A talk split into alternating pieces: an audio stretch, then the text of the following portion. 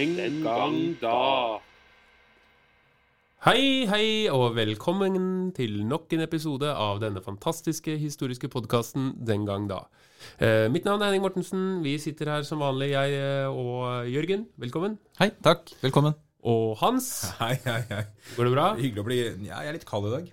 Ja. Eller skal jeg kalle deg Hennes i dag? For dagens tema eh, i denne historiepodkasten, vi er jo da sitter og snakker om historie, det er kvinnehistorie. Og det er jo 8. 8. mars i dag. Eller det er jo ikke 8. mars i dag, men vi legger ut denne episoden 8. mars. La oss Vi- inderlig håpe vi får til det. Ellers så, ellers så var den eh, Ellers så var det her helt Vi skal prøve å legge ut denne episoden på eh, 8. mars. Ja, når de hører dette, så vet de om vi har holdt til. Ja, og Det er ikke sikkert de hører det på 8. mars, men 8. mars er uansett kvinnedagen. Ja, Hvorfor er 8. mars kvinnedagen? Ja, nå har jeg morsomt, morsomt at du spør. Den beste forklaringen jeg har funnet på intraweben, det er at 8. mars sannsynligvis er 8. mars fordi det, den, det året eh, i 1914 det ble innført, var en søndag. Ja. Så det passa. Du drekker, eller? Hva mener du det året det ble innført? Var en Altså, søndag? det- det Hvor året- mange søndager det året? Ja ja, men eh, det er den beste forklaringen jeg har funnet. Man har, man har forsøkt å koble det, koble det til uh, Ja, jeg, jeg skjønte ikke tankegangen. Nei, altså, det, det hadde, nei, jeg veit ikke. Det er kilden jeg har. Altså, Det er en søndag. Det passa med når man skulle eh, markere det, da. ja. I 1914. I 1914. Ja, Året etter at man fikk allmenn stemmerett for kvinner i Norge. Mm. Ja. Ja, men Så bra. Ja. Fordi Vi skal jo snakke om kvinnehistorie. For kvinnehistorie er jo eh, Det høres Hvis du ikke kjenner til eh, fenomenet, og det er jo på en måte historien om kvinner. fordi det er jo ofte sagt og ment at kvinnene har blitt utelatt fra historien. At det ikke har blitt eh, brukt nok tid til å skrive om og på en måte ha med kvinnene i historien. Så hva er egentlig kvinnehistorie, da? Ja, Nå eh, sa jeg det litt, da. Det var litt Sa- eh, dårlig spørsmål, kanskje. Men eh, utfyll. Utfyll. ja, for det, det, du tenker ikke da liksom eh, nødvendigvis historie som er eh, skrevet av kvinner, men historie som er skrevet om kvinner? Yes. Eller fra et kvinneperspektiv. Ja. Og da sitter jo vi tre menn, og Ja, det er ingen det- som er bedre enn det. Ja, Hva har vi å si om dette, egentlig? Har vi lov? Selvfølgelig har vi lov, men eh, det kan jo Men det er, bare, det er bare å åpne en vanlig historiebok og telle personer, så ser du at antall menn er betraktelig større enn antall kvinner. Og det, vårt problem er jo kanskje det som har vært problemet, er at det er stort sett menn som har skrevet om andre menn, Mm. som er det som har blitt videreført. Og man har så stort sett skrevet om eh, krig og sånn, og da er det jo ofte menn som har hatt de posisjonene i samfunnet. Og vi tre har jo, som du sier, det samme problemet. Vi er stort sett menn. Stort Eh, sett. Er. Men så er det noen som har hevda det at kvinnehistorie, kvinners historie på et eller annet vis også er allmuens historie, sånn totalt sett. Fordi kvinner har levd det livet som det veldig veldig mange menn også har levd da opp igjennom. Sånn at menn som, de færreste menn har vært i maktposisjoner sånn samfunnsmessig. Så ved å studere kvinnen, så får man også et eh, Kvinnen, ikke kvinnen, men ved å studere på en måte hvordan kvinners kår har vært opp gjennom årtusenene, så har man også fått et inntrykk av hvordan folk flests kår har vært, da. For kvinner er representanter for folk flest, og ikke de Ja. som er i øverste posisjoner. Ja, nettopp. Ja, for vi må, jo også, vi må jo anta at det alltid har vært kvinner i alle samfunn. i alle tider. Det får man tro. Ja. Og eh, problemet er, ikke sant Historien er det som noe de få gjør, mens resten pløyer åkeren. Og de få har jo stort sett vært menn, ikke sant? De, de som har vært uh, lederne. Og det er jo på en måte kanskje det som har vært beklagelig, og det som er uh, Noen kan jo si at det er jo det som har vært uh, ja, litt uheldig, da. At det er menn som har kara seg til maktposisjoner, tviholdt på dem, og kvinner ikke har fått den anerkjennelsen og posisjonen de trenger. Nei, eller har fortjent, da. Og Ja. også i historieskriving har blitt utelatt. For du har på en den makrohistorien om stater og kriger og eh, statsledere og sånn, men så har du jo den mikro, altså hverdagshistorien, dagliglivet til folk flest. Og den er jo kanskje desto viktig og, og interessant som krig og fred og politikk og sånn. I historien så har man jo tendens til å trekke lange, lange linjer, og da forsvinner jo hverdagshistorien bort både for kvinner og menn. da. Eh, og siden det er der kvinner kanskje har hatt en størst rolle sånn totalt, så er jo da kvinner som forsvinner mest. Og de som, de som skriker høyest, de får mest oppmerksomhet. Og kan man da anta at det er mennene som har skreket høyest gjennom historien? Ja. Ja. Det, Ja, nei, det, ja. Nei, Jeg har ikke så mye å debattere på det. Det stemmer nok, det. Og Så kan man diskutere fram og tilbake om hvorfor det har vært sånn. Om det har vært en sånn politisk maktundertrykkelsesgreie, eller om det har vært en sånn evolusjonær, fornuftig nødvendighet at mannen på en måte har dominert pga. biologien osv. Styrke kvinnen som omsorgsperson osv. Men, det, men det er, da må vi tilbake til eh, de samfunnene Altså hvis, hvis du man, tenker var mer bundet av biologi. da. Altså at kvinner noe. har blitt på en måte nekta øhm, mer politisk innflytelse, det er jo ganske tydelig. Ja, ja. ettersom de ikke, Ja, ja. altså Kvinner fikk jo ikke politisk innflytelse og stemmerett før ja, altså 1900-tallet, altså Mm. i moderne tid, ja, ja, nærmest. ja, ja. Så det at menn har aktivt undertrykt kvinner, og kvinner holdt kvinner utenfor maktposisjoner, er jo en, ganske tydelig. For med en gang man så at det ikke var så lurt, så har jo kvinner hevdet seg i politikken. Ja, Ja. og, det, og det har skjedd veldig mye de siste 100 åra. da. Hvis man skal gå tilbake i historien, så er det jo altså De kvinnene som stikker seg fram, er unntakene. Mm. Ikke fordi at de ikke, gjorde, øh, ikke fordi at de ikke hadde evnene, men fordi de ikke fikk muligheten. Ja, nå snakker du om de, De, ikke de siste hundre åra. ja, ja, ja, ja, ja. Ja, fordi det er jo helt klart at uh, kvinner har hatt en kamp. Uh, og Kvinnekamp, tenker du på? kvinnekamp, ja. Ja. Og vi skal jo snakke litt om ulike, ulike roller kvinner har hatt. Da. Kan det ha, men vi kan jo bare gå liksom uh, Om dere har noen eksempler på ulike roller som kvinnene har hatt i ulike samfunn til ulik tid? Eller har det stort sett eh, vært det samme, eller er det store forskjeller i ulike samfunn? Hans har vært innom eh, spørsmålet her da, om, om, om de har hatt forskjellige roller biologisk, og det er derfor de har hatt forskjellige roller. Men hvis, altså det er et begrep som heter matriarkat. Altså Et matriarkat er et samfunn som er en motsetning til et patriarkat. Altså et samfunn som, hvor menn dominerer. Da. Så er matriarkat et samfunn der hvor kvinner dominerer. Og så har jeg, jeg har gravd litt i kilder og forsøkt å finne noen eksempler på om det finnes samfunn som er typiske matriarkater, da, hvor kvinnene har en dominerende posisjon i samfunnet. Og konklusjonen min da, etter å ha lest litt, er at det finnes ingen gode eksempler. Og forskerne, eller antropologene er relativt enige om det. Men det finnes noen forsøk da, på, uh, på å definere samfunn som matriarkater. Vi har I mytene, da, hvis vi starter der, så finnes det mange eksempler. Uh, grekerne snakka om amasoner, hvis dere husker, eh, husker noe av det. Wonder Woman, er det ikke? Mm? Wonder Woman. Ja, det er jo nettopp det der. Altså, det er, det er, altså, Ifølge Herodot, da, den greske historikeren, så, så handla Amazonene om at det var et samfunn hvor mange kvinner hadde mista mennene sine i krig. Mm. Og så dannet de, eh, dannet de et kvin rent kvinnesamfunn og hevnet seg på stammen da, som hadde drept mennene deres. Og dette skriver mange, mange grekere om, og er en del av gresk mytologi. Um, og eh, mest kjente herfra er kanskje Hippolyta, dronningen Hippolyta. Eh, Det betyr hun som slipper ut hestene, da, ifølge Herodot. Bortsett fra, bortsett fra den norske kongen, så er jo hele alle lederne i den norske forfatninga for tida kvinner. Er det nå Er vi nå er, vi inn i den Amazonia? Ja, du, ja, du lurer på om de som er der, er amazoner? Nei, jeg tror kanskje ikke de vil være bekjent av å være amazoner, fordi disse amazonene er ganske voldelig beskrevet da, i eh, greske kilder. Eh, Vi har én historie blant annet som, eh, eh, som handler om at eh, de noen ganger i året, da, eller noen ganger eh, ved noen anledninger de, altså Hvis de skulle bli flere, så måtte de jo ha tilgang på barn. og Da, da raida de en nabo herrestamme da, og fikk barn med dem. og Så drepte de alle guttebarna etterpå og fostret opp kvinnene. Ja, Har du møtt stortingspresidenten noen gang? Nei, skal vi gå dit? Nei, jeg tror ikke jeg tror, Men nei. Men er... Men, men, men disse amazonene blir, de er liksom sånn Grekerne lekte med motsatte idealer. da. På en måte så for seg å, Hvor rart hadde det ikke vært om, eh, om kvinnene hadde hatt de styrende posisjonene og var de voldelige og de aggressive, sånn som ofte menn har vært da gjennom historien. Og det, det her har jo for øvrig mannlige forfattere eh, gjort stadig vekk seinere også. Skrevet om samfunn, eh, sånn så, såkalt dystopiske samfunn, der hvor de har prøvd å beskrive et liksom idealsamfunn, og nå gjør jeg anførselstegn med fingrene mine, eh, så vet dere det. Der kvinnene er i maktposisjonen, og så viser det seg å være like ille som når mannen er i maktposisjon. Og stort sett har det bare vært en kritikk av alle som kommer i maktposisjon. Fordi det ødelegger Men- folk. Men, men har du noen noe faktiske eksempler? Ja, kan vi bare sveipe innom en til? For du har en norsk variant òg, som heter Valkyrjer. ja. ja. Uh, Det er liksom de norrøne kvinnelige dødsvettene som eh, Odin sendte ut i krigen for å velge ut den som skulle dø på slagmarken. Når, de, når mennene døde, så tok valkyrene disse med seg til Åsgård. Og så bestemte de der hvem som skulle ende i Valhall, hvem som skulle ende i Folkvang. da, Om man skulle være med gudene eller ikke. Eh, Men hvis du går på liksom konkrete eksempler, så er det veldig vanskelig å finne. Eh, Og begrepet matriarkat er tvilsomt i historisk sammenheng. Det er mange forskere som mener at det, er, at det ikke finnes. At det er bare en konstruksjon.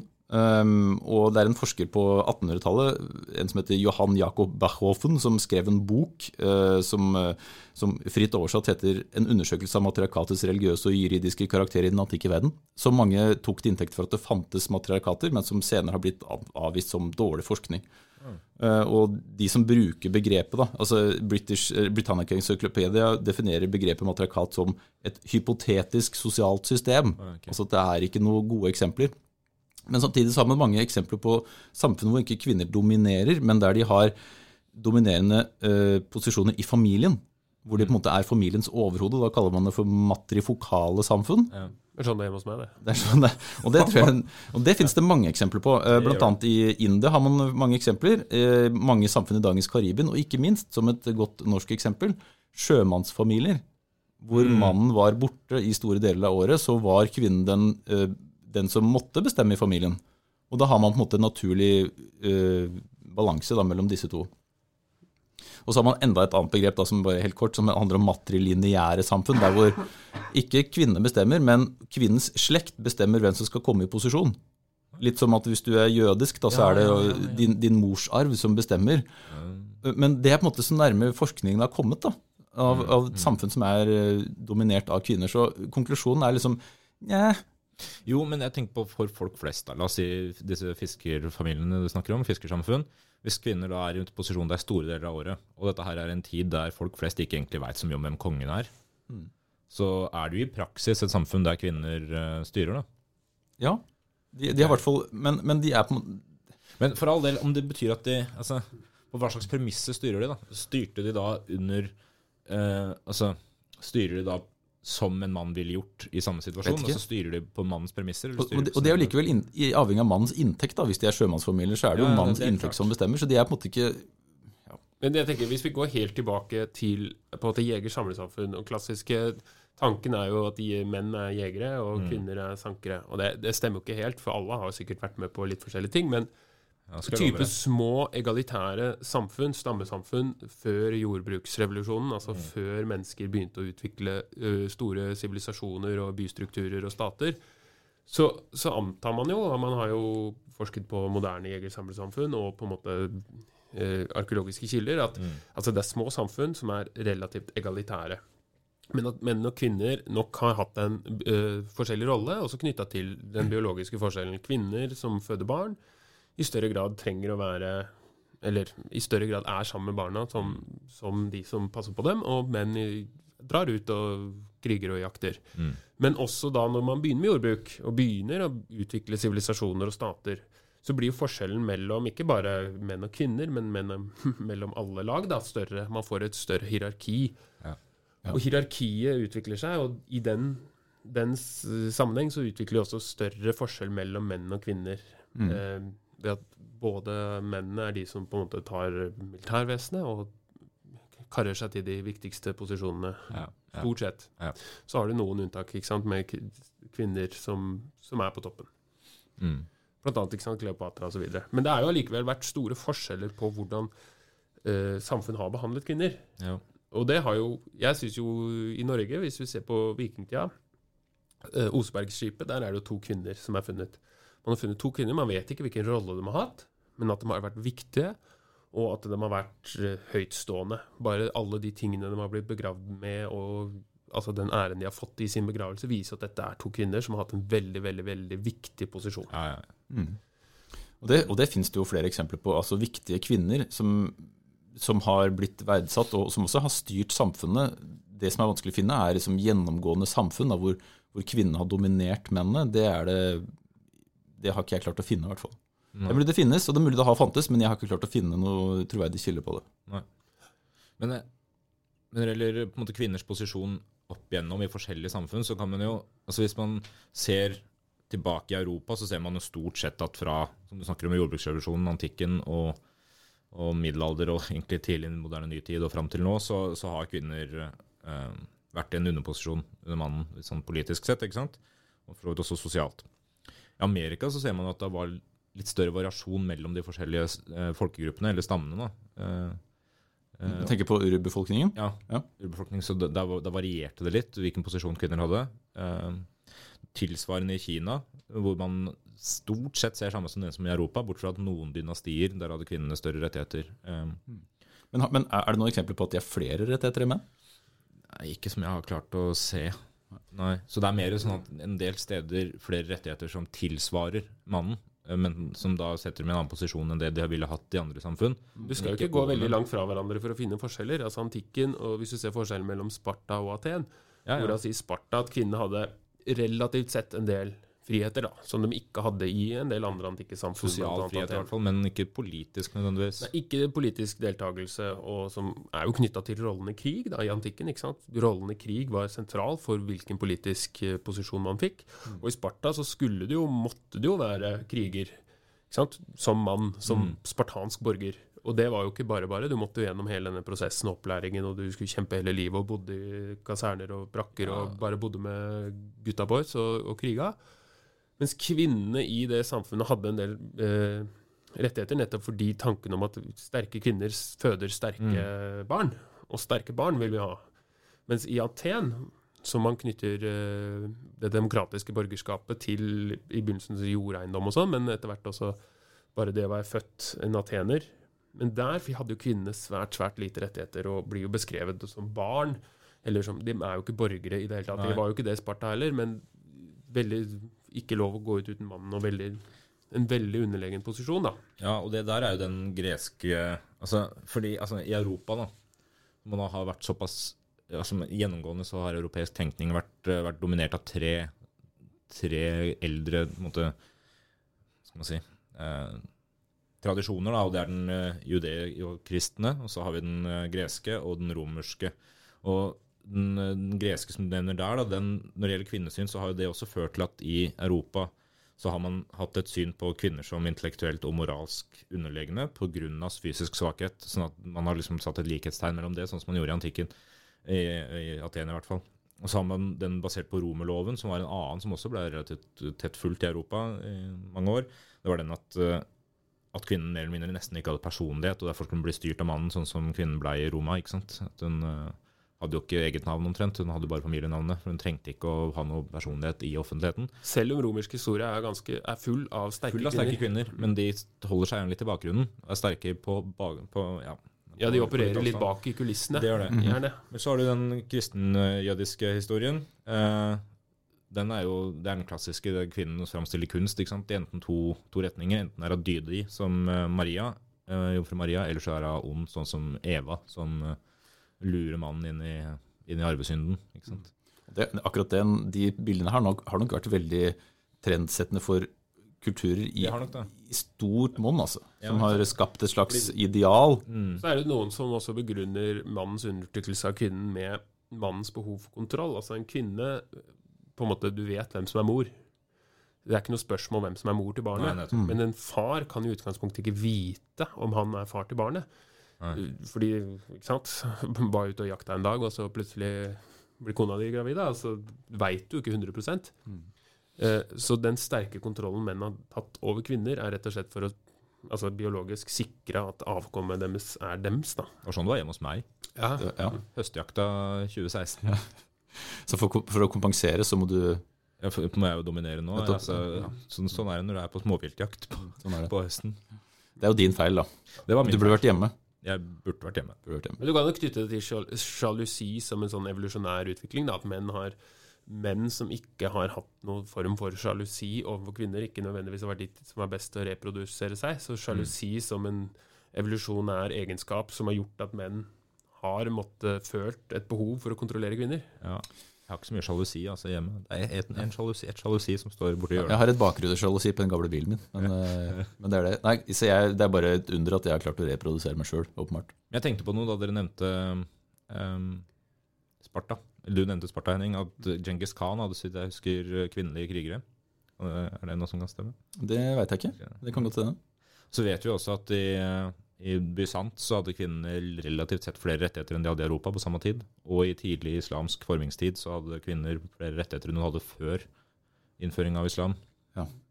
Ja, også, men også i Norge, da, hvis vi ser eh, kristendommens Ja, ja. innførelse, gjør jo også at kvinner mister en del rettigheter. Mm. Retten til skilsmisse osv. Og, så videre, og den Og ikke, ikke sant, Sånn som Osebergskipet er et eksempel på denne, disse sterke kvinnene som man antar kanskje var religions... Altså Ja. var noen prestinner av noe slag. da. Mm, mm. Altså den viktige posisjonen mange kvinner har hatt i, eh, i, eh, eh, i religionen. Ja. Men når kristendommen med sitt formaliserte eh, religionsutøvelse kommer inn, og det er kun menn som får lov til å være prester, så mister kvinnene den posisjonen. Mm, mm. Ikke lenger får de lov til å ha den rollen som de har hatt gjennom gudedyrkelsen. da. Men så har man jo altså man har liksom nonneorden, apropos uh, matriarkalske samfunn. For det er i småsamfunnperspektiv så er jo eh, nonneordener et matriarkalsk samfunn. Uh, det finner du eksempel på både i kristendommen og i f.eks. buddhismen. Selv om retninger av den eldste buddhismen jo også sier at kvinner ikke kan oppnå, oppnå frelse. Så, så, har jo, så har man jo mindre samfunn da, som, som er dominert av kvinner, der bare kvinner har tilgang. Men de er på en måte ikke storsamfunnet. Nei, nei, selvfølgelig er det De er jo bare en del av samfunnet. Og de vil fra et sånt uh, um, Fra visse perspektiv uansett også være under, altså Så lenge de er underlagt eh, Jesus, som var mann, Ja. eh, som også er noe Kirken har brukt som argument for å ha menn i maktposisjoner, så er det jo Gud var mann, på en måte, så, så er de underlagt en mann, og de er gift med Jesus, så de er fremdeles bare konene hans. Sant? Ja. Bra, gutter. Uh, Bra, gutter. Takk. dere, dere, dere tar kvinnes perspektiv godt, syns jeg. Synes jeg. Så godt vi kan for å være menn. Ja, fordi vi kan Ja. Den gang da. Vi har jo fått en sponsor, Hans. Hvem er det? Du, det er Akademiet privatist eh, og nettstudier. Ja, hva tilbyr de? De tilbyr privatist- og nettstudier. Det er jaggu godt at det ligger i navnet. Ja, Det, hva er det for noe? Det er eh, studier du kan eh, melde deg på hvis du ønsker å ta opp fag, eller forbedre fag, eller ta fag for første gang på videregående for å få deg generell studiekompetanse. Ja, Så praktisk. det er fint. Er, det, er de flinke? Du, de er veldig flinke. Eh, Er det lærere der? det er lærere der. Og de lærerne, de, eh, deres mål, vet du hva det er? Nei. Det er å få deg gjennom med en bedre karakter enn det du hadde, eller en god karakter hvis du ikke har noen karakter fra før. Ja. ja, men det høres jo bra ut. Mm. Da anbefaler jeg alle som har lyst til å ta opp fag, eller ta fag på videregående. Gå inn på www.akademiet.no. Den gang da. Eh, men vi går litt videre, fordi kvinner har jo fått en del rettigheter. Heldigvis, får man jo si. Ja. Eh, når begynner man liksom Når eh, har vi eksempler på kvinner som mener at vet du hva, nå er vi drittlei at disse mennene er idioter? Så det er, én det er en av de første jeg alltid tenker på. Eh, og, det er, eh, og, da, og da må vi inn i opplysningstida. Det er, ikke, det, er ikke, det er ikke nødvendigvis de tidligste eksemplene, men det, men det vi ser, da, er gjennom den liberaliseringsprosessen og den revolusjonsårhundret som opplysningstida jo er, 1700-tallet altså, så ser man hvordan noen kvinner, og for så vidt også noen menn, begynner å uttale seg om, om kvinners rettigheter. Eh, og der har vi en kvinne som jeg vet at Jørgen er veldig glad i, Olympe de Gouges. Ja, Dere får et annet podkastepisode før opplysningstiden er, synes jeg, det er jo fascinerende. For opplysningstiden er jo den tiden fra liksom, vi kaller mellom 1600- og 1800-tallet, hvor, det er det. hvor man begynner å mm, ha liberale ideer. Man begynner å se at kan ikke vi være med å bestemme, vi folk? Fordi man har jo da vært under et sånn undertrykkende regime, gjerne i de fleste europeiske land, hvor kongen stort sett har all makt. Men så begynner man å utfordre dette. Man begynner å filosofere om idealsamfunn og politiske rettigheter, og at man skal liksom ha demokrati da, til en viss grad, og ytringsfrihet skal si hva man vil, og man skal være med å bestemme, og man skal ha maktfordeling, og man skal på en måte De moderne, liberale tankesettet. Mm. Og så er det jo en del kvinner som sier ja, helt supert, vi er med. Mm. Og så er jo mange av disse opplysningsfilosofene og politikerne og en, av de, en del av de radikale, også liksom Ja. revolusjonære, som sier ja, vent litt, vent litt. Det var ikke helt det vi mente. Nei, fordi det er jo en sånn Det oppstår på et eller annet vis en tvetydighet da, hvis du ser på Frankrike med sine eh, menneskerettighetserklæringer i forbindelse med revolusjonen, tilsvarende i USA. ikke sant? Eh, hvordan alle er skapt like, og alle skal ha like, like rettigheter, ser ut til å ikke gjelde for en del av befolkninga, og den delen av befolkninga er bl.a. kvinner og slaver. Og Da har du noen som gjerne parallelt begynner å kjempe for f.eks. slavers og kvinners rettigheter. da. Eh, De er jo relativt progressive, f.eks. av Lem de Gouges. Ja, fordi nå, Menneskerettighetserklæringen i Frankrike i forbindelse med den franske revolusjonen i 1789 Mm. er jo et dokument som er, sier at man skal ha rett til det og det. ikke sant? Rett til liv og rett til å, rett til å si hva du vil og mene hva du vil, og Mm, mm. ikke dømmes uten lov og dom. Men Men det, Olympico da sier jeg er ikke enig, for det er liksom bare menn. Så hun Ja. lager et alternativt utkast hvor også kvinner er inkludert. mm.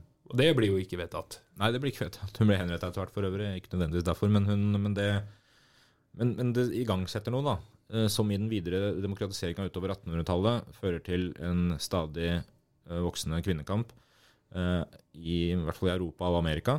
eh, Sentrert gjerne rundt Storbritannia og USA. Men denne suffragettbevegelsen som i begynnelsen handler om kvinners rett til å delta i politiske valgprosesser, altså stemmerett. Yes. Ja, det er jo de militante feministene fra, i, fra Storbritannia, med Emily Dickinson i spissen. Ja. Eh, det, Ja.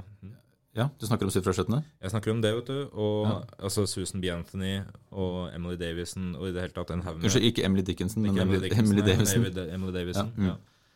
Nå snakker vi jeg, jeg, jeg, Nå snakker vi både Storbritannia og, uh, og USA. Uh, Susan B. Anthony Amerika.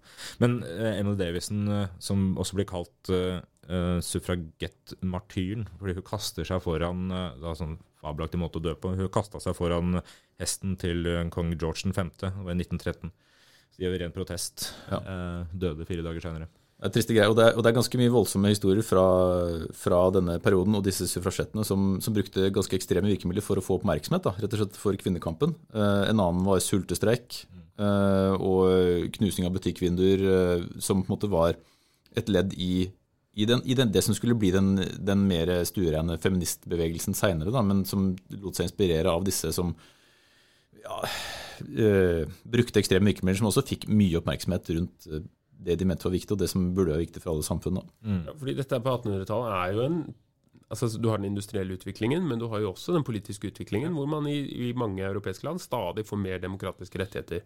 I begynnelsen så er gjerne stemmerett knytta til eiendomsrett eller eiendom osv., eller inntekt osv. Og, så og så blir det mer og mer sluppet inn flere og flere. Men så Ja, tviholder man på at det er kun menn ja. ganske lenge. Og tanken ligger jo en at kvinner ikke er um, på en måte fornuftig nok og myndig nok til å ta den avgjørelsen, eller at mannens stemme skal representere begge. Ja, det er en familie, liksom. ikke sant? Ja. Uh, men argumentet med at kvinner har ikke nok politisk kunnskap til å kunne delta i valg, uh, er selvfølgelig noe som også altså Kvinner har jo naturlig nok ikke nok politisk innsikt fordi de ikke har um, Fått lov fått med. lov til å være med i politikken. Jeg, jeg lurer på om uh, det, det Sånn sett, så Suffragettene er jo en, et eksempel på uh, altså sterke kvinner som sier nok er nok. Så all ære til de. Ja, Ja, ja. Og det, men det, det her kom jo i kjølvannet, ikke bare i kjølvannet, men samtidig som arbeiderrettigheter og rettigheter, altså demokratiseringa som du snakker om, i, som konsekvens av nettopp industrialiseringa.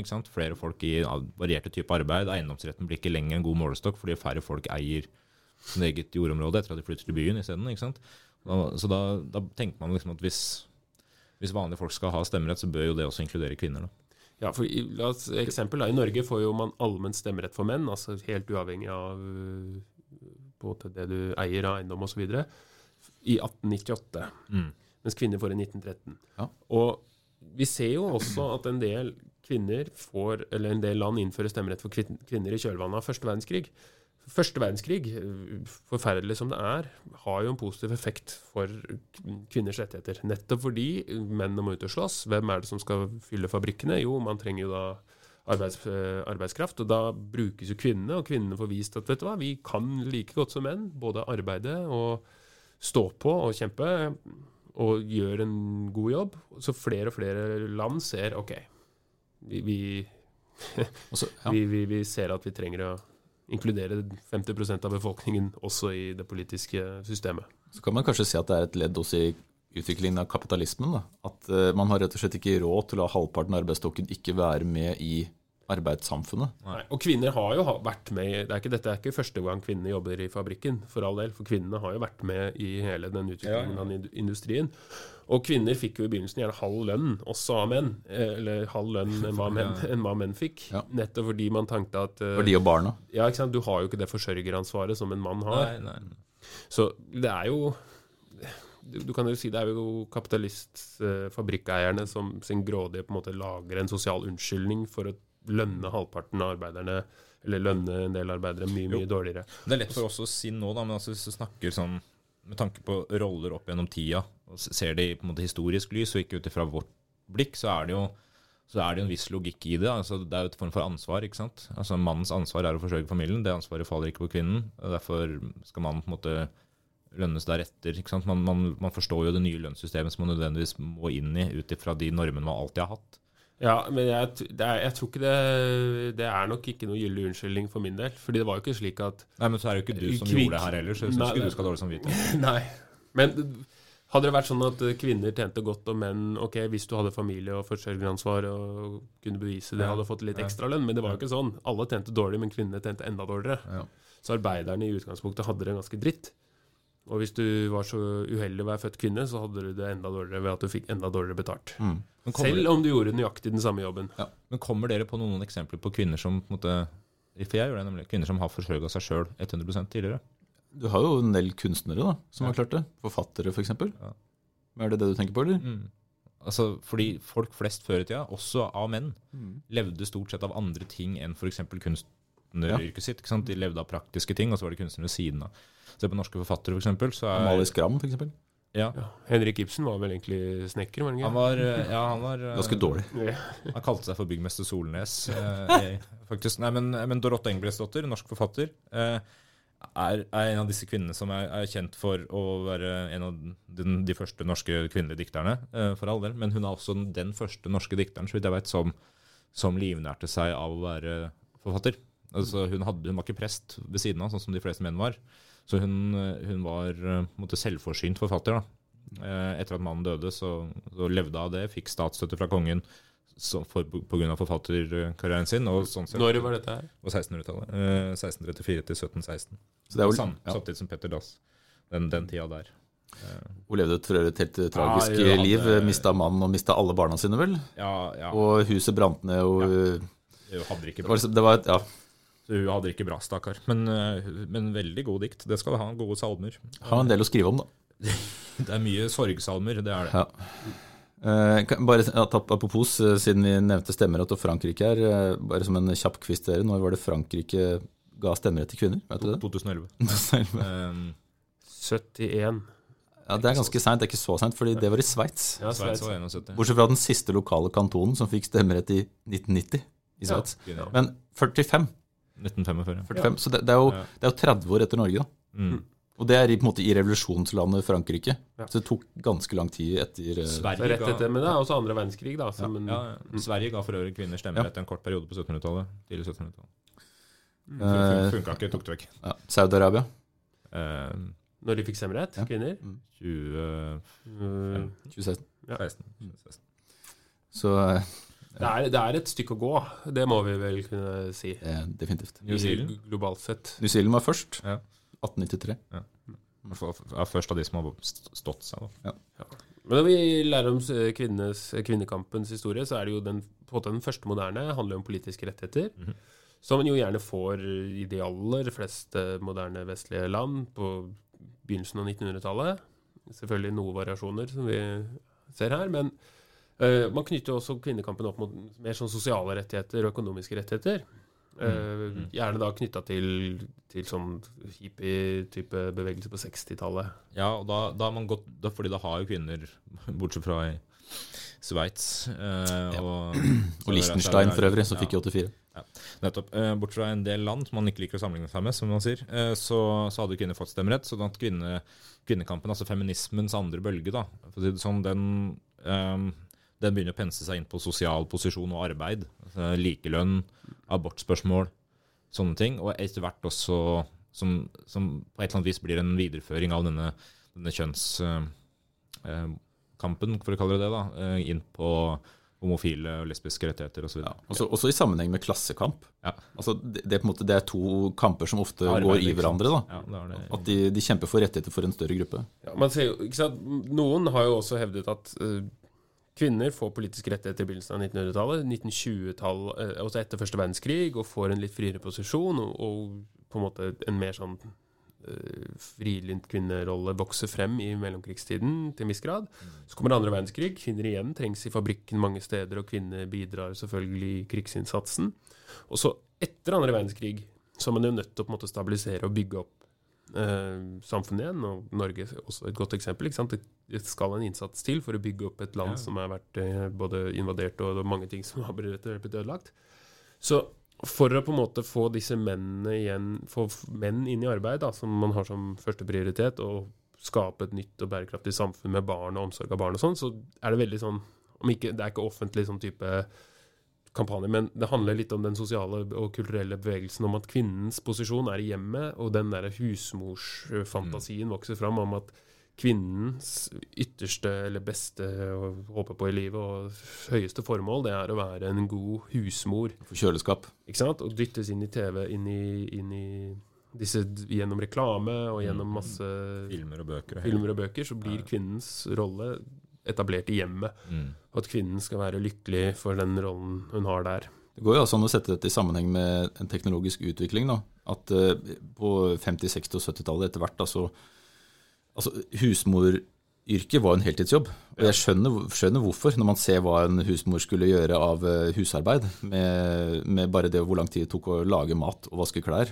Um, Men så kommer disse teknologiske eh, hjelpemidlene inn, og kvinnene får jo bedre tid, fordi det går for litt fortere med støvsuger osv.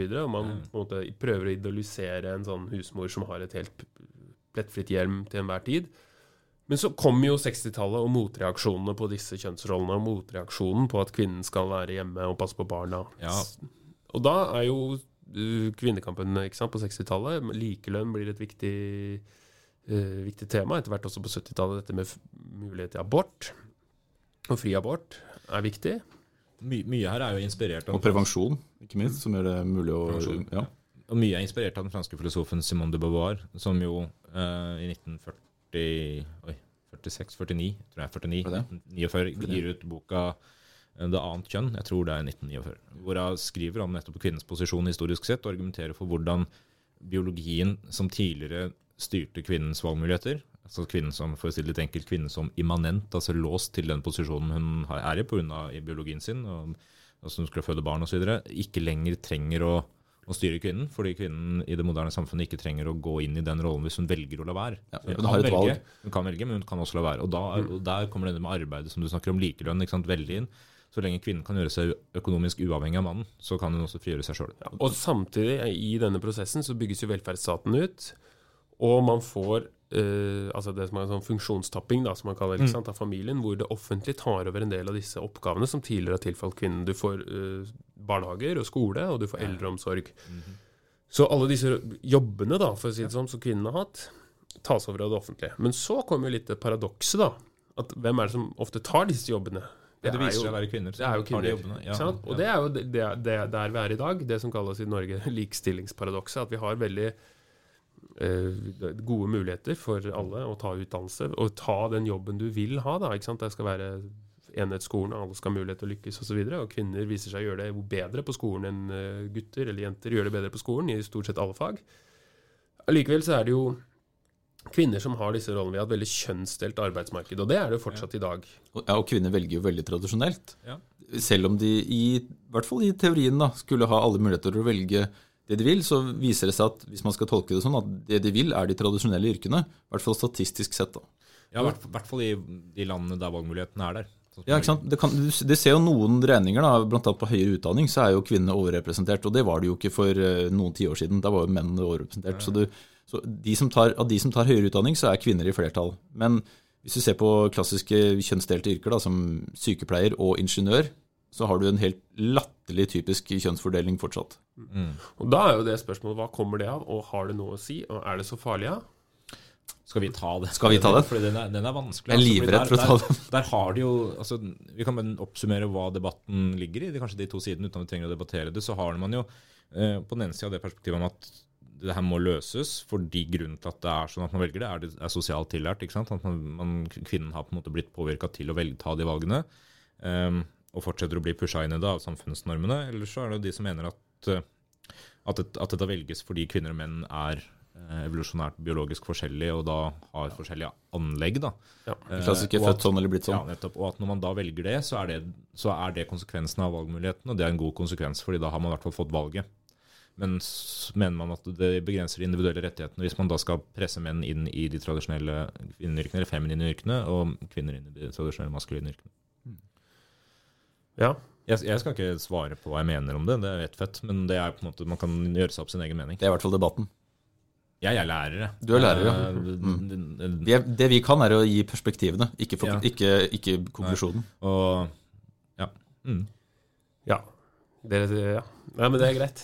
Men, men som, altså, man snakker om kvinnelige statsledere og sånn, eller man snakker ikke om det, men det, det har blitt snakka om, selvfølgelig. om og vi, vi bør snakke om det. Altså, ehm, få antall kvinner som har blitt statsledere. Det skal også sies at på global sammenheng historisk sett så er det relativt få menn som har vært statsledere. Eh, men, eh, du på den måten. Men, det er, men du har noen som kanskje er verdt å nevne. Eh, og, det, og det er det der tallene man, man sjelden tenker over. fordi når man ser på eh, Vesten, så tenker man liksom å, Nord-Europa, her er vi langt mer fremskreden eh, likestilling. Vi har mye mer av det enn en del andre deler av verden. På den annen side så har jo USA på ingen måte hatt en kvinnepresident. På ingen måte hatt en kvinnepresident. Det er bare, det er liksom enten eller, da. Ikke engang en falsk president. Ja, nei. Eh, Men jeg, som jeg nevnte for dere i stad, så, så hadde de jo en kvinnelig presidentkandidat allerede i 1872 med Victoria Woodhall. Og det er før de kunne stemme? Det er før kvinner fikk stemmerett. Men så hadde de også den første norske stortingsrepresentanten, tror jeg, før kvinner fikk, Ja. mm. fikk stemmerett. Så, så lovene dekka ikke det, da. Eh, men eh, hvor, eh, hvor har vi første kvinnelige statslederen som er valgt? Ikke første kvinnelige statslederen, for det er, det er, da må vi ha en dronning. Men første kvinnelige valgte Ja, det er på i 59. Hvis eller unnskyld, i 60, hvis kilden min er riktig. Nå Så skal jeg, skal jeg ta sats her. Sirimavo Bandaranaike på Sri Lanka. Ja, Styrte Sri Lanka ganske lenge, 60 til 65, og 70 70 til 77, og fra 90 til 2000. Så det er jo nesten 30 års eh, 90 til 2000. fra, Det er i hvert fall min kilde. Stemmer det ikke? For dattera hennes var jo president eh, på Sri Lanka på 90-tallet. Ok, skal vi, det- skal vi bare la det være, i hvert fall det vi er Eh. sikre på, er at hun er den første valgte kvinnelige statsministeren, da. Ja. Eh, og så har man, eh, har man det- flere i Ja, Ja, du har jo også Ja, hvem andre var det du skulle si? ja Indira Gandhi, for Indira. Gandhi India. På, fra 66 til 77, 80 til 84. Så det, Som, ja. Og hun var første kvinnelige leder i India, altså verdens største demokrati, hvis jeg husker riktig. Ja. Um, ja. Og det er jo Jeg tenker at det er verdt å nevne at, eh, at det er områder der man vanligvis ikke, ikke går til for å finne progressiv feminisme. Ikke sant? For da ser man, da er man såpass navlebeskuende gjerne i Europa at man ser på Europa og USA. At vi er liksom Vi er alltid frampå. ja, nei, de, Eh, de har ikke klart det. Og så har du første kvinnelige leder i et muslimsk land. Det er Benazir Bhutto i 88, i Pakistan. Ja. Og Der er de enda færre. Men så er det også færre muslimske land, da. Så det er jo hva, hva som er forklaringen, er jo kanskje det òg. Men um, Jo, jo. så er det også, også er det selvfølgelig også en, en som bør nevnes her, er Gro Harlem Brundtland, vår egen eh, første kvinnelige statsminister. eh, som, som ble verdenskjent i sin andre regjering, fordi det, dere er beregnet som en ren, altså som en kvinneregjering, da, hvor 8 av 18 representanter var kvinner. Altså ikke flertallet. Nei, nei, men, Men flere mange flere. Ja, ja. Og nå er vi jo, som vi nevnte i sted, i den posisjonen at vi har kvinnelig statsminister, kvinnelig høyesterettsjustitiarius og kvinnelig stortingspresident. Og, tre, ja, og tre kvinnelige partiledere, som er de mest framtredende. Ja. Så, Da, da, ja. ja. Det blir jo ja, det, det er ja, naturlig nok, eh, tenker jeg, den veien det går. Det finnes jo mange andre kvinnelige ledere, men dette er valgte ledere. Hvis man går Ja, ja, tilbake i historien, så Altså- finner man jo mange eksempler på det. Margaret Thatcher er vel verdt å nevne der. Eh, selvfølgelig. Margaret Thatcher, ja. Ja, Ja, ja, ja, ja. Hva, hva- hva skal vi si om Thatcher? Eh, Jeg tror hun hadde vært helt lik uavhengig av kjønn. Altså hun var eh, jernkvinne. Hun er ikke kjent fordi hun er kvinne, hun er kjent fordi hun var en beinhard Er Litt kjent fordi hun er personlighet. kvinne også, men også fordi hun var en, jækla hard dame. ja. Ja, fordi Det er jo litt fascinerende. Man kan jo si Hvis kvinner hadde styrt verden, så hadde verden vært et bedre sted. Men Spør gruvearbeiderne i England på ja, det er det. der. Margaret Thatcher blir på en måte hata på sine egne premisser, uavhengig av kjønn. Hun, eh, Ja, ja. Hun er generelt hata, og ja, det er mange som jubla da og døde, faktisk. Det, altså, det sier litt om uh... Det, og det gjelder jo, altså når du nevner uh, um, Herregud, jeg har slitt med det navnet. Um, Bandaranaike, Ja. uh, Sri Lanka, så er jo heller ikke hun Altså Hun har jo fått mye kritikk for politikken hun har ført. Uh, Ja. Så, det, så det, det har jo ikke noe med altså, Nei, nei. du kan være en, Jeg sier ikke at hun var en dårlig leder, men, men går an ja. hun hadde en politikk som førte til en del eh, splid mellom folkegrupper. Og, Og det tenker jeg det er det er fint. At man blir huska for politikken og ikke for kjønnet Jeg sitt. syns det. Uav, sånn uavhengig bør det være. Så, så bør det være politikken som er i, i høysetet. Altså. Ja. Men jeg tror, altså for eh, sikkert i dag òg, men eh, i hvert fall for de tidlige statslederne Det har ikke vært lett å ha vært en kvinnelig statsleder eller leder av noe som helst uh, måte. Fordi det er nok mange menn som fortsatt er opphengt i gamle, tradisjonelle Ja, kjønnsroller. klart. Se på USA, ja, for eksempel. Og så- jeg, har, jeg har et annet ja. se på, En ting er på en måte amerikansk politikk, men det her speiles i den delen av amerikansk kultur som er så progressiv som det går an å få det, tror jeg. Og det er på en måte Hollywood. Altså den demokratiske Ikke demokratiske, men nå snakker jeg American Democratic Party, liksom. Den delen av det. Den liberale Hollywood-eliten, for å si det sånn, da. Som, uh, som fremdeles lager uh, relativt tradisjonelle familiemønstre i i alle TV-seriene sine, og hvis det er noe, og filmene, og hvis det er noe som bryter med det, så er det det som er konseptet. på en måte.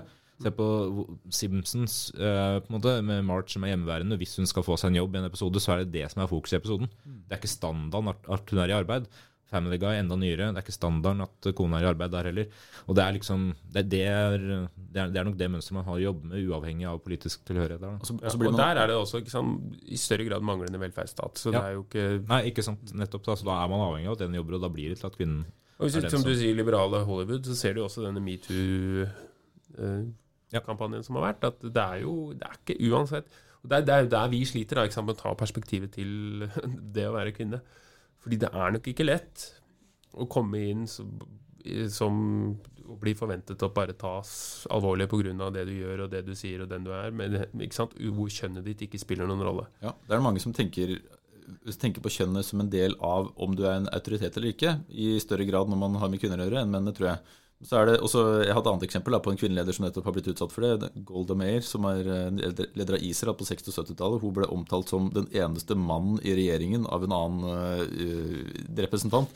Og Det sier litt om hva, man, hva slags ideal man måles mot. Ja da. ja. Eller hva slags tradisjon man ses opp mot. og, det, og det her, den holdninga ser du jo i alle mulige begrep. ikke sant? At man har et eget begrep for den kvinnelige utgaven av f.eks. et yrke, eller en Ja.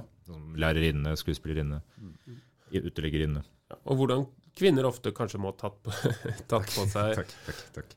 Altså gjort seg mer maskuline nettopp for å fylle en slags forventning i en posisjon. da. Ja, ja, ja. Ja. ja, ja, men det er, ja.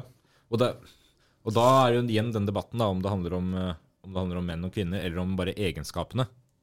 Altså, De egenskapene som kreves for å være leder, er nok ikke egenskaper som de fleste menn har heller.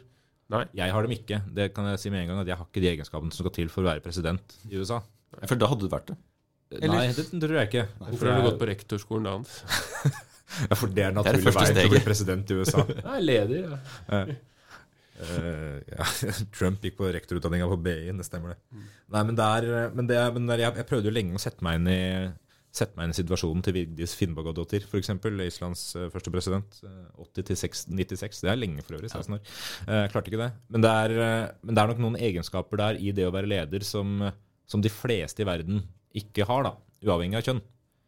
Um, så at kvinner må, må på en måte ta på seg de maskuline egenskapene for å bli leder, tror jeg sikkert stemmer. Akkurat som en del menn også er nødt til å ta på seg Men- de ja. Men man snakker, man snakker om glasstaket, da. ikke sant? Hvordan Ja.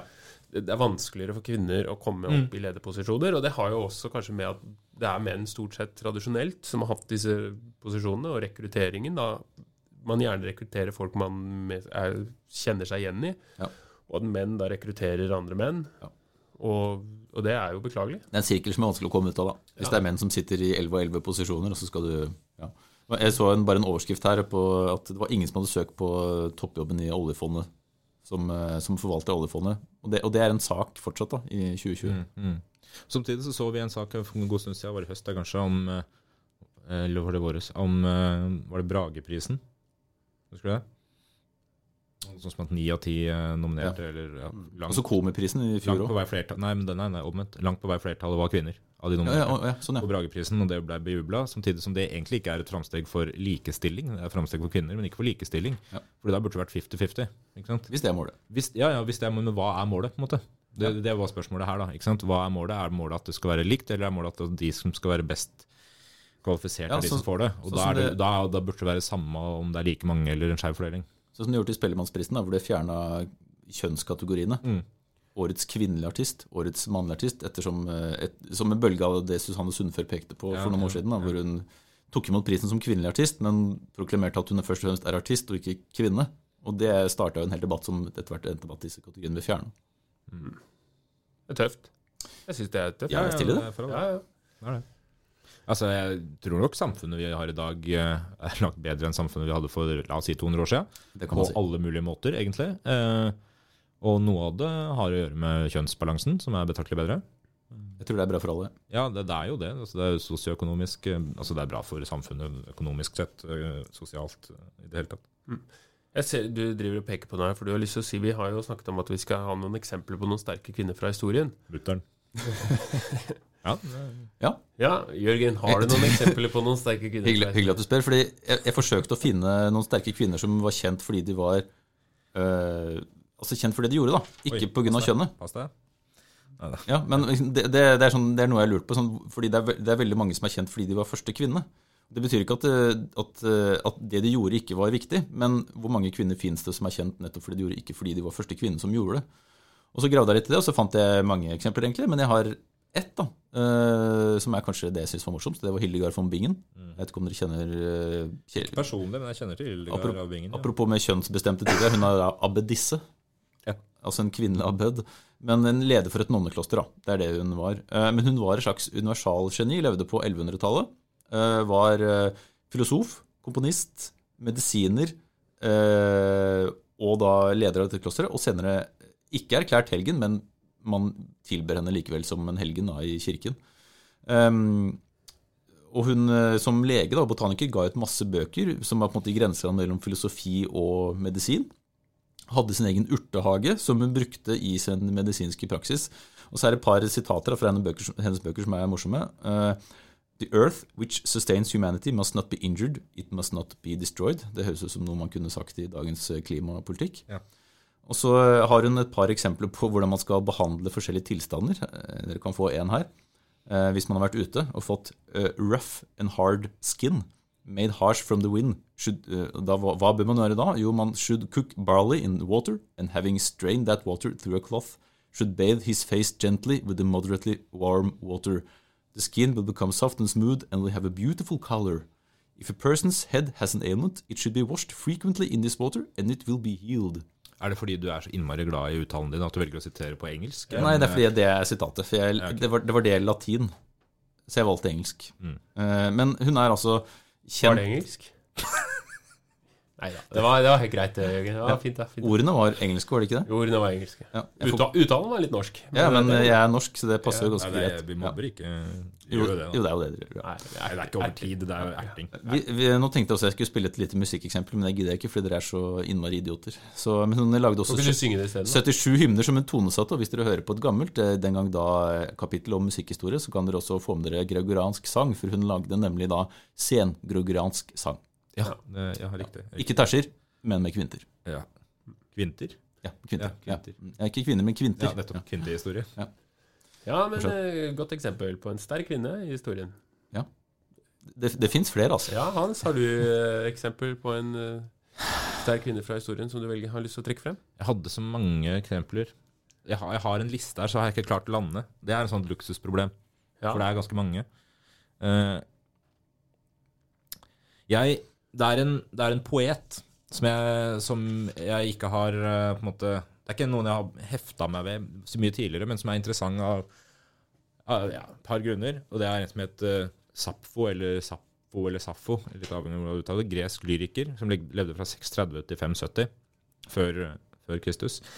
Eh, hun levde på øya Lesvos og har, eh, er blant annet opphavet til ordet lesbisk, som kommer derfra. Altså at man, man snakka om ting som var derfra, var av lesbisk art. eh, lesbisk vin, f.eks. Så har det ordet etter hvert betydd uh, Ja, du veit jo hva det betyr, herregud. Uh, men, og det, det er grunnen. Altså, hun skrev dikt til kvinner. da, Kjærlighetsdikt til og om kvinner. Uh, og hun var såpass stor at hun ble kalt for den tiende musen. Har fått det tilnavnet. Det er, vi snakker ni sånn tradisjonelle muser. Det er kvinneskikkelser som, som måte gir styrke til kunstnere. Altså en sånn inspirasjon. Ja, inspirasjon, ikke sant? Det mytiske. Da. Og hun er liksom den tiende av dem, og hun er en faktisk kvinne. Platon mente at hun var den, eh, den beste lyrikeren ever. Ja. Og Platons kvinnesyn var for øvrig Langt liberalere enn det Aristoteles' kvinnesyn var. Ja, som Eh, ikke mente at kvinner hadde noe plass noe sted. Nei, fordi de hadde jo ikke sjel, ifølge Aristoteles. Men Platon mente ikke det. Eh, Så hun, hun var en jeg hadde litt lyst til å trekke frem. Ellers så er det mange andre. Eh, Vi kunne nevnt Katarina den store. Vi kunne nevnt Katarina den store. Som eh, bare, bare ett, et eksempel på hva Katarina den store sørget for, å øke eh, flateinnholdet til Russland med 500 000 kvadratkilometer. Ja, Det er bare sånn Hva har du fått til? Ja, I hvert fall det. Mm. det ja. Gjorde ikke Elisabeth den første. Elisabeth den andre òg, for Ja, så ja, vidt. Victoria. Dronning Victoria. Det Kleopatra. Ja. Den keltiske dronningen Boudica Ja, ja, ja. i opprør mot eh, Roma. Ja. Hindu- Så historien er full av sterke kvinner. Det er, som, men som, for å avslutte liksom runde litt da, det har nok vært flere sterke kvinner enn det historien har tatt med Det i, i noteringene. Og det er jo litt av problemet. At mange kvinner ikke har blitt uh, tatt med i historiebøkene. Det hadde ikke vært så vanskelig å skrive om Eleanor Roosevelt, f.eks., når man først er i gang med å skrive om eh, Eller når man skal snakke om, eh, om, eh, om eh, Hva heter det? Eh, Menneskerettighetene eh, og arbeidet med det etter andre verdenskrig. Altså hun Mm. blir valgt ut til å sitte som FN og gjøre det, ikke sant? og blir etter hvert FN-delegat og sånn. og Jobber under Kennedy for kvinners rettigheter osv. Så, videre. så Så hun er viktig i amerikansk og verdens sammenheng på den måten. Så det, er noe med det å, å ja, trekke frem de navnene som, som kan trekkes frem. For det er en del som ikke blir sånn krampaktig 'nå trekker vi fram for å ha gjort det', liksom. ja, ja. Ja, men hva skal vi si? Kvinner kommer for å bli.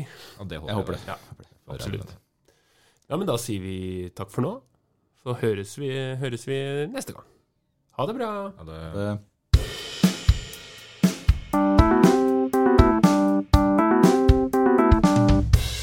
Den gang da.